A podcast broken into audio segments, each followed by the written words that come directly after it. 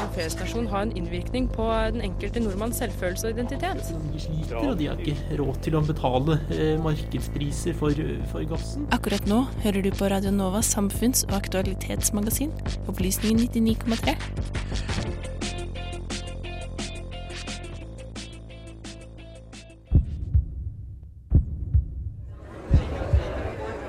Unnskyld meg, kan jeg kommentere det der?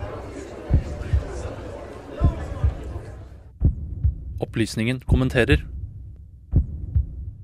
Jeg har gjort meg noen tanker om uh, sommeren som har vært. Det er en sommer som har vært preget av dårlige nyheter fra øst til vest. Men det er spesielt én nyhet som har preget oss og skremt meg mest. Jeg tenker ikke på bønder som nok en gang har mistet sin avling, på skogbranner og temperaturer som aldri faller. Men dessverre så ble mitt livssyn denne sommeren endret om. Jeg har trodd at klimaendringer er menneskeskapt. Jeg trodde at vi var i ferd med å ødelegge vår natur. Vi brenner fossile stoffer og alt mulig rart, og dette øker vår atmosfære CO2. Hold deg fast, for nå har det kommet en ny trussel mot vår eksistens.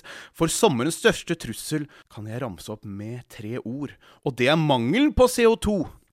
Jeg så virkelig ikke denne dommedagen komme. I sommer lærte jeg at sjelens vann, min hellige drikk. Hvordan i helvete skulle jeg vite at ølen var brygget på andre CO2-utslipp?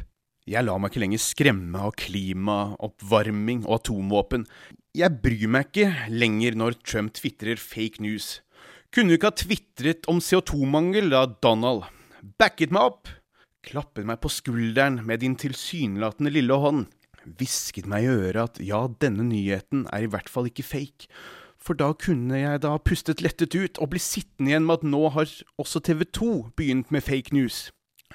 Norges eldste bryggeri Ås måtte stenge krana. Hvem blir den neste? Hei, Mr. Trump, hvordan kan vi fikse dette? Hvilken blir den neste til å måtte stenge døra? Dahls Mac, Hansa? Ja, men så hvem, hvem blir den neste? Så hvordan håndterer den norske staten denne krisen? Jo, de fokuserer på vann. Hvorfor er det der fokuset skal ligge? Fokuset må jo være at ølen står i fare. Ølen er hellig. Ja, men faen, hvor lenge kan denne krisen vare? Hvor blir det av samfunnskriker, demonstrasjoner og sinte dranker i lange køer? Jeg, jeg, jeg er klar til å stille opp med store skilt. Øl til folket! Vann er sikkert flott, men kan du drikke det på en bar i solen som en utepils? Nei, du kan ikke. Så her er min løsning. Det som skal til, er at vi kollektivt gjør en innsats for å øke vårt CO2-utslipp. Hvordan gjøre det? La oss øke køene. La bilene stå på tomgang døgnet rundt. For ikke å glemme holde skogene i sjakk. Behandle planter og skoger som CO2-tyver. Rett og slett brenne ned hver eneste plante som kommer øl-CO2-en for nær. La oss stanse ned og kvitte oss med sykkelvei og kollektivtrafikk.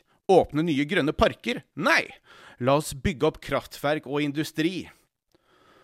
Parisavtalen? Nei takk. Tror du franskmennene hadde vært like ivrige hvis Parisavtalen hadde utsatt en franskvin? Vi kan stå side om side med spesiallagde støvsugere. Der skal vi stå og suge CO2-en opp, putte CO2 på flasker og gå i samlet flokk, levere den hos Ås og andre norske ølbryggerier. Slik skal vi sikre vår ølfremtid.